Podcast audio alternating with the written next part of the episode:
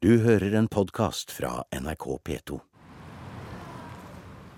Det er nesten helt stille, selv om vi er midt i byen. For rundt oss er det moderne kontorbygg i glass og tegl, og vi står på et fint stensatt lite torg, helt uten biltrafikk.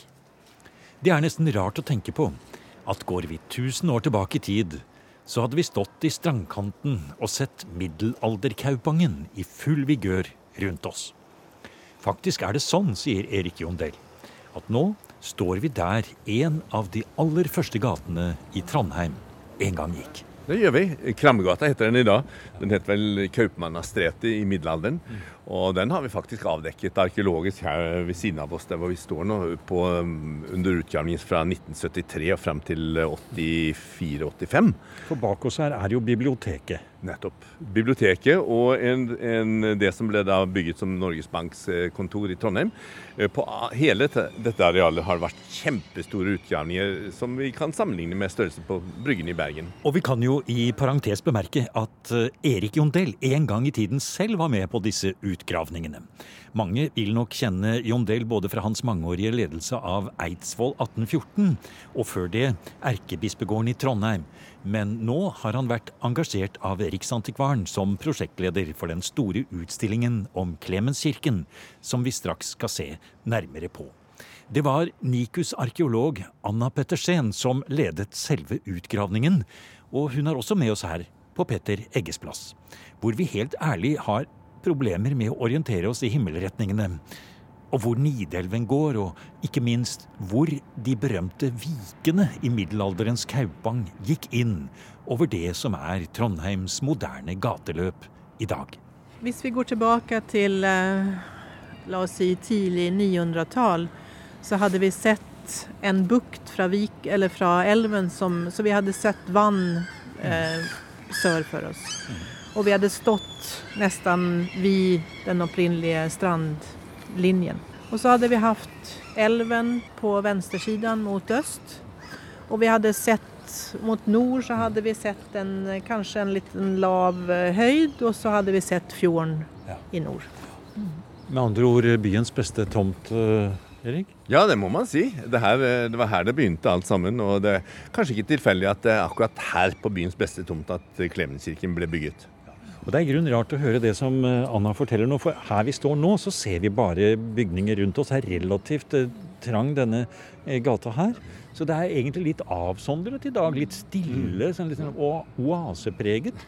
Og det var det nå ikke i middelalderen. Altså, det her var byens hovedgata, en av hovedgatene. Det var, det var, hus på begge sider. Hvis vi kommer opp i høymiddelalderen, så var det her tett eh, bebygd. Mm. Vi hadde kirka, Klemenskirka, bak ryggen min. Og så var det altså vanlige bolighus med kanskje boder ut mot gatan for, for forsäljning. Og sikkert yrende folk og dyr og alt mulig.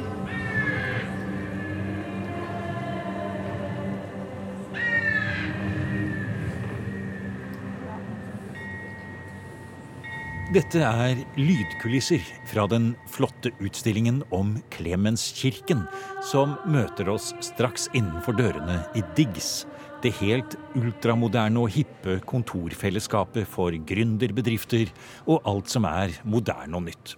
Vi kunne like gjerne vært i New York for den saks skyld, bortsett fra at vi altså er helt i hjertet av middelalderens Norge. Vi er bokstavelig talt på stedet der Olav Tryggvason hadde sin kongsgård, og der, etter alle solemerker, helgenkongen Olav Haraldsson fikk sin første grav. Og det er litt artig, det her er altså Trondheims eldste kirke. Noe av det eldste bebyggelsen som i det hele tatt er gravd frem i Trondheim, ligger her. Og, og, over oss i etasjene her så sitter altså nye, unge, ambisiøse utviklinger. Så det er det, det nyeste i Trondheim, og det eldste som, som, Det er en fantastisk bro mellom det i dette huset. altså. Og det er jo egentlig noen ganger et tema, det hvordan man skal ta vare på funn som har gjort skal det bare tas opp og legges inn i en utstilling eller i et magasin, men her vises det da in situ. Ja, og vi, når vi går ned i utstillingsrommet, så går vi ned i vårt utgravningsområde. Så på alle sider rundt oss ligger det intakte kulturlag bevart. Så, så vi har lagt Kirka ligger på om samme sted som der vi fann den i 2017. Og nå begynner nonnen å synge, syns jeg jeg hører her. Ja, det er en eh, fortelling som går her eh, med to uh, filmer. Hvor vi er nå i slutten av det siste, hører jeg. Fordi her, er, eh, her, legger vi fokus på at det er akkurat her det skjedde. Det var akkurat her Olav Haraldsson ble erklært en hellig mann. Det skjedde her ved Klemenskirken. Det er det som gjør det så spesielt. La oss gå nedover i historien. Utstillingen er spekket med elegante lyskulisser, dataanimasjoner som kommer og går på veggene.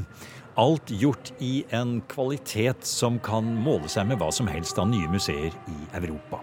Vi passerer fem modeller av de forskjellige fasene Clemenkirken har gjennomgått, presentert i kobber og skifer, før vi ser ned på de originale ruinene av Clemenskirken, som ligger dypt under bakken. Og mens vi nær sagt stiger ned i århundrene, får vi også med oss hvordan hele området ble bygd ut og etter hvert ble til middelalderens Trondheim. Ja, det er det vi håpet å få til. fordi den, Denne modellen her, projeksjonen, viser jo nettopp eh, byens, altså utviklinga av området, av, av, bebyggelsen her gjennom 1100 år. Hvor det starter med en, en gårdsbebyggelse eh, helt syd, omtrent der hvor domkirka ligger i dag. Og så kommer den første spede bebyggelsen akkurat her hvor vi er nå, og hvor, hvor Anne og hennes kolleger har, har, vist hvordan dette stedet da ligger veldig nært en helt sentral vik som går inn fra Nidelven. Altså det som vi da mener må være sagaens skipbakrok. Slik at de bebyg bebyggelsen fra vikingtid som ligger her nede, det kan altså knyttes til det. Og det lå her før Klemenskirken ble bygget. Og det var jo virkelig en overraskelse. Det var veldig viktig i prosjekteringen av det her store prosjektet at altså en av problem, hovedproblemstillingene var å kunne bedre kartlegge naturtopografiske forhold og forsøke å definere strandkanten mm. mot nord i det her området. I og med at den er helt borte, og nå står Erik og peker ivrig her nede på kartet der, for han vil vise akkurat det du sier. Og det er jo ting da som er helt borte ja, i, i, dag. Det, det, er ingen som kan se det om man ikke har eh, spesialkunnskap om det. Og der, då, der kom Klemenskirken frem, for vi ser et sånt kart som endrer seg hele tiden. Vi hadde, min oppfatning var, og kanskje alle andre arkeologer i Trondheim, var at Klemenskirken var bygget på eh, jomfruelig jo, eh, grunn. Men det viste seg jo etter hvert ikke stemme i det hele tatt. Og det kan vi snakke litt mer om når vi ja, går ned. Ja, og det har jeg lyst til å gjøre nå, for jeg ser at det pedagogiske opplegget her, det er at vi skal gå langsomt gjennom og se på alle disse plansjene. Men jeg greier ikke å vente lenger. Nå, nå, må, vi, nå må, vi, gå ned og se her på det. Her er det veldig mye tekst. Så det er... Ja. Vi snakker jo ofte om ja, det er en så liten kirke, den første kirken. Men det mener jeg vi egentlig ikke kan si så mye om. I våre øyne så syns vi at det her virker en liten, nesten litt stusslig størrelse på denne Olavskirka. Men ved denne tiden, når, når kristendommen nettopp er introdusert, så kan det mye vel være sånn at Olavs kirke var en ganske anselig bygning. Mm. Og vi vet ingenting om utsmykning og dekor. Antagelig så den, var den betydelig mer forseggjort enn det vi kan se i det arkeologiske materialet. Men vi kan ikke sammenligne den med kirker som Heddal eller Borgund. Som jo alle sammen er i hvert fall 100 år, kanskje. 200 år eller kanskje til og med 200 år lenger frem. Mm. Men både Olav Haraldsson og andre på hans tid de hadde jo vært mye ute og reist, og de hadde sett hvordan til og med katedraler så ut. I både Frankrike og i England og andre steder. Så de, de holdt jeg på å si, de visste godt hvordan de store kristne byggverkene var. Det fins en opplysning i uh, sagalitteraturen om at Olav selv uttrykte at hans kirke skulle være stor og staselig. Um, så sannsynligvis så ble den oppfattet som det. Og det her var jo opprinnelig hans egen kongekirke, hans egen kirke. Den var ikke kanskje primært avsett for den store menigheten, utan det var for Olav, hans biskop, prester og hans hird. Vi mener også at det er en viktig poeng det her som at det er en trekirke. I alle fem gestaltningene så er det en trekirke. Og vi rör oss i en tidsperiod der de aller fleste kirker i de urbana centrene blir gjort om. Fra, fra starten så er det allting i tre. Eh, men det blir gjort om til steinkirker. Men ikke den her. Den her gjenføres som en trekirke fordi at den skal etterligne den opprinnelige kirken. Den er, til og med 1300-tallskirken er den opprinnelige kirken. Sånn ser vi det. Altså En veldig sånn gammeldags eh, byggemetode. Selv om man da for lengst har begynt å bygge steinkirker, mm. så er det en slags forvaltning av Olavsarven. Og det ser vi jo ikke minst når den siste kirken forsvinner etter at den brenner i 1340-årene så blir den ikke gjenoppbygget. Men da bygger man faktisk et vernebygg over selve alteret. For alteret er jo bygget av stein, så det, det blir stående igjen etter en brann. Og husk på at dette alteret var jo da Olavs første hvilested. Så det må ha vært en, en enorm eh, kraft i det formidlende mennesket. Og, det var sikkert en del av Olavsliturgien liturgien rundt Olsok osv. Man ba skrinet rundt i prosesjon og kom innom her.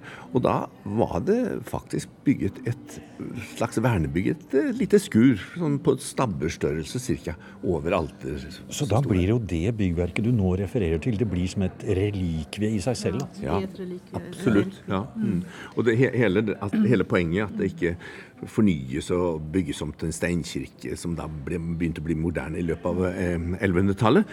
Nei, når den her er ødelagt, så bygger vi opp den til, som en stavkirke igjen. For sånn var Olavs første kirke, den som han selv bygget.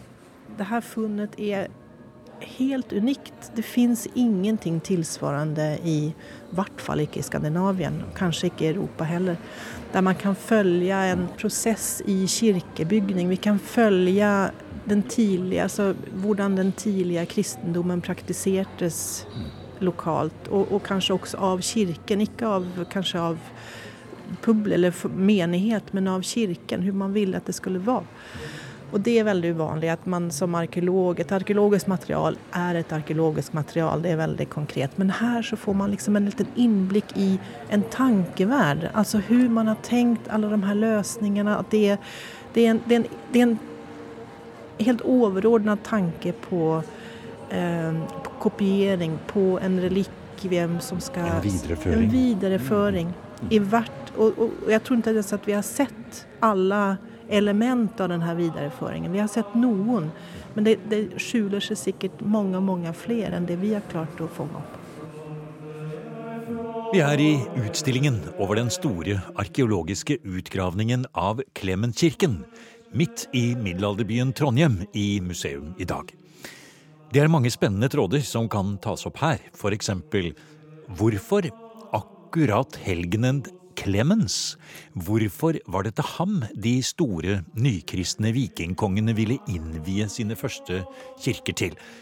Clemens var den tredje paven i Roma og ble blant annet de sjøfarendes helgen. Sankt Clemens sto sterkt i Russlands sentrum Kiev, hvor jo som kjent både Olav Tryggvason og senere Olav Haraldsson og hans sønn Magnus oppholdt seg lenge og hadde sterke familiebånd til fyrsten Vladimir. Men det får vi håpe å ta opp en annen gang.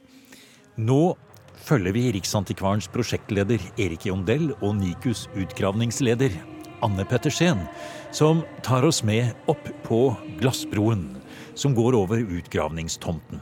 Der kan vi se ned på steinpakningen som var selve alteret i Klemenkirken. Og vi ser omrisset av steinene som var fundamentet for trekirkene som avløste hverandre akkurat her. Hvert øyeblikk kan det bryte løs en dataanimasjon eller en lysprojeksjon som endrer hele rommets karakter. Sannelig var han her blir kirken på en måte bygd med lys. Ja, siden det var så lite igjen av den aller første kirken, tegner vi den med lys her, og ikke minst alteret, som er så viktig. For det var her det skjedde. Mm. Mm. Og det er et veldig fint utstillingsgrep at vi kan stå her oppe som på et galleri mm.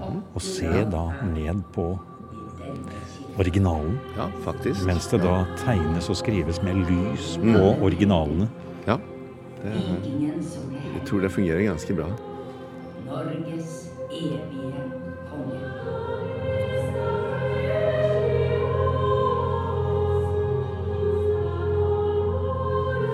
Nå funkler lyset som nede på det opprinnelige alteret.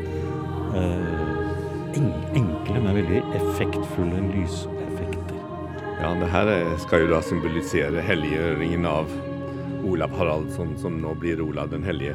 Og så flytter, Og så flytter vi selve kirken nå, nettopp. hvor vi demonterer det første alteret og bygger opp det som vi ser her i dag. Her står Olav. Norges evige konge. Nå går vi inn i kirkerommet her, Anna. Ja, nå kommer vi inn i koret fra nordsiden. Eh, Det Ja. gjorde man nok kanskje ikke i middelalderen, men vi gjør det her. det var en sideportal, det her. Det her er akkurat slik vi fant det. Så det er de originale steinene på sin opprinnelige eh, plassering. Eh, og det her er et nesten komplett alter. Det eneste som, som mangler er platene, altså mensa, platan som på toppen av alteret. Den er en og en halv, ja kanskje litt mer, nesten 1,7 ganger 1,5. Rektangulær form. Men tror du ikke at den har vært et, ett eller to skift til med, med kan- steiner opp, så den har vært mm. litt høyere enn det vi ser nå? Det kan det være. Men, men kanskje ikke så veldig mye. Så den, det, eller man kan i alle fall si at det er eh, et ganske komplett alter. Og det som er spennende med det her, det er det at det her alteret er eh, be, blir bevart i de yngre eh, kirkene. Eh, eller de yngre kirkefasene. Sånn at det her alteret danner kjernen i de yngre alterendringene. Så man bygger opp og man bygger ut på sidene. Nettopp. Men det vi står i nå, selv om alteret kanskje da har vært der, og med de fundamentene vi ser, er det da kirke nummer to? av denne Det her er kirke nummer to. Ja. Men vi har til venstre om oss Der, her der så har vi noen stein som ligger. Og det er rester av altarfundamentet til den, aldra, den opprinnelige kirken.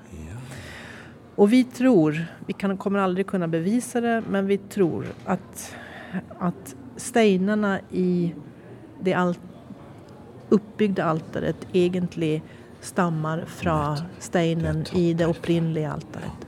Det er også en form av overføring, sånn at kanskje til og med at man kan si at altersteinen er også en form av en relik, eh, et relikvium.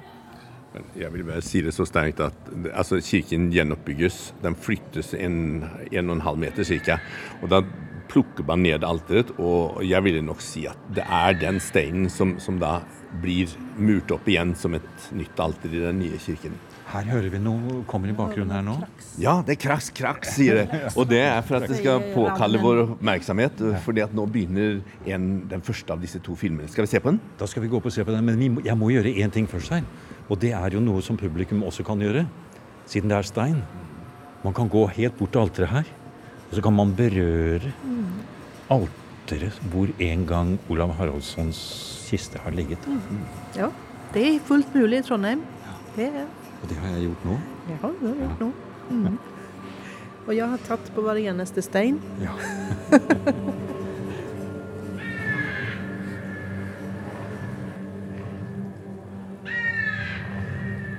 Rundt steinfundamentene til Klemenskirken er det noen små montere med utsøkte funn fra utgravningen. Pluss en del av en tilhogd furustokk. En av stavene som har vært med på å holde konstruksjonen i en av Norges første stavkirker. I sin tid må det ha vært en voldsom stokk.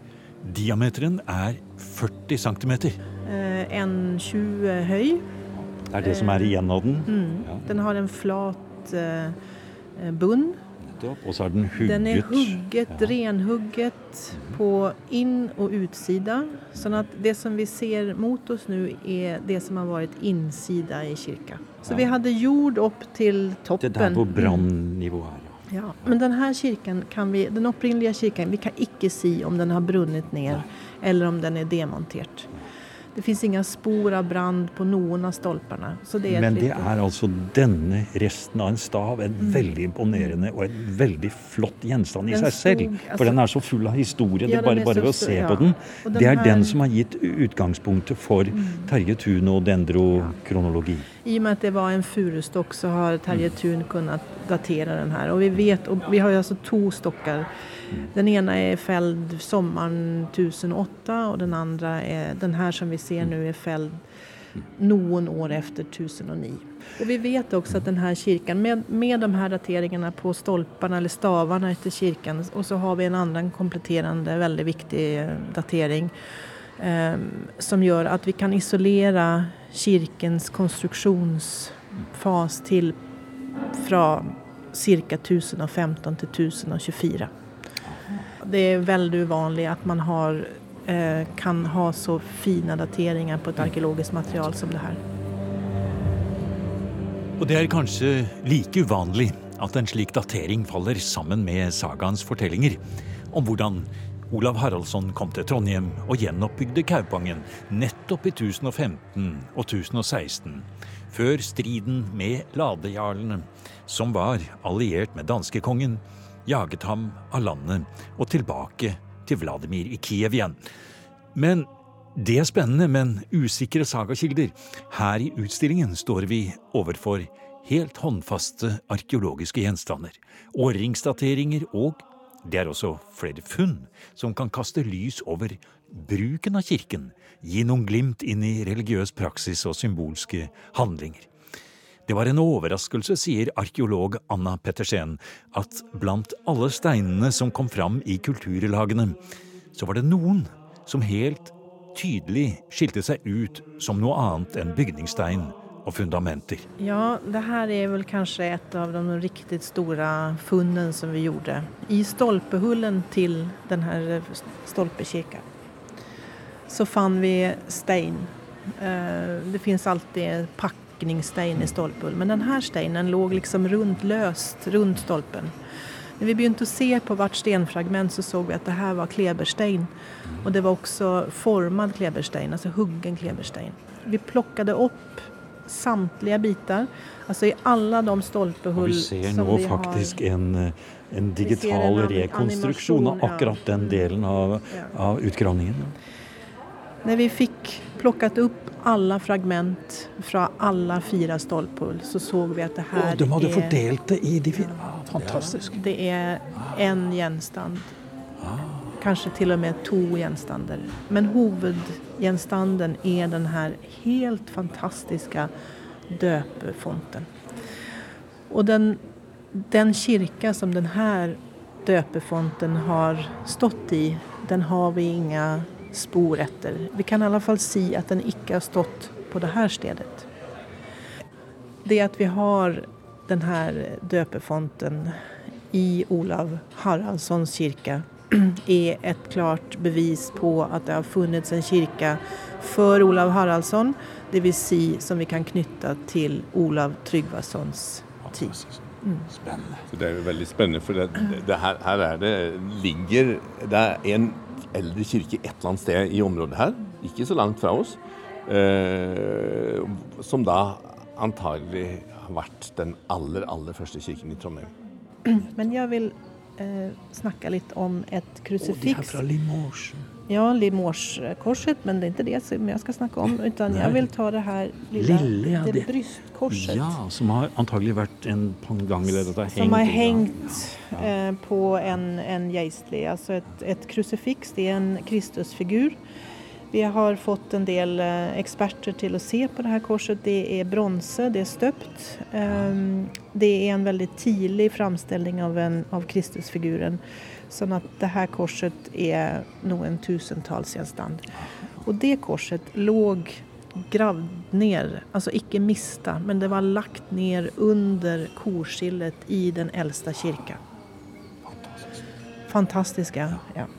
Og hvis vi går til nästa gjenstand, så ser du en liten remsa som Ja. er brettlad, liksom. Ja. Det er en blyremsa som har en inskription på bägge sidor av remsa. Eh, Den her er yngre, den tillhör den tredje kyrka i sekvensen. Eh, og den låg også gravd ned, altså ikke mistad. Den låg gravd ned sammen med en samling med bein. Ikke menneskebein. En offergave, altså. Det er et relikvium. Ja. Og det her hengekorset, krusifikset og blyremsen ligger på samme sted, fast i forskjellige kirker. Én ting må jo være å grave ut disse steinfundamentene, som jo er veldig spennende i seg selv. Og midt i den prosessen så dukker det altså opp en menneskelig gjenstand. En gjenstand som gir uttrykk for tro og hellighet på en måte. Og praksis, kristen praksis. Og det er det som jeg kanskje nevnte tidligere, at det er så fantastisk å få de her altså innblikk i en tankeverd som er så fjern fra vår egen. Hur kristen tro blir praktisert, hur kirken på denne tiden oppfattet hva var viktig, hva skulle være med, hva skulle ikke være med. Så det fins altså mye budskap på en måte som vi Vi kan jo ikke helt tolke det, men vi kan se det. Det konkrete, helt manifeste spor av handlinger som er bevisste i forhold til kirken.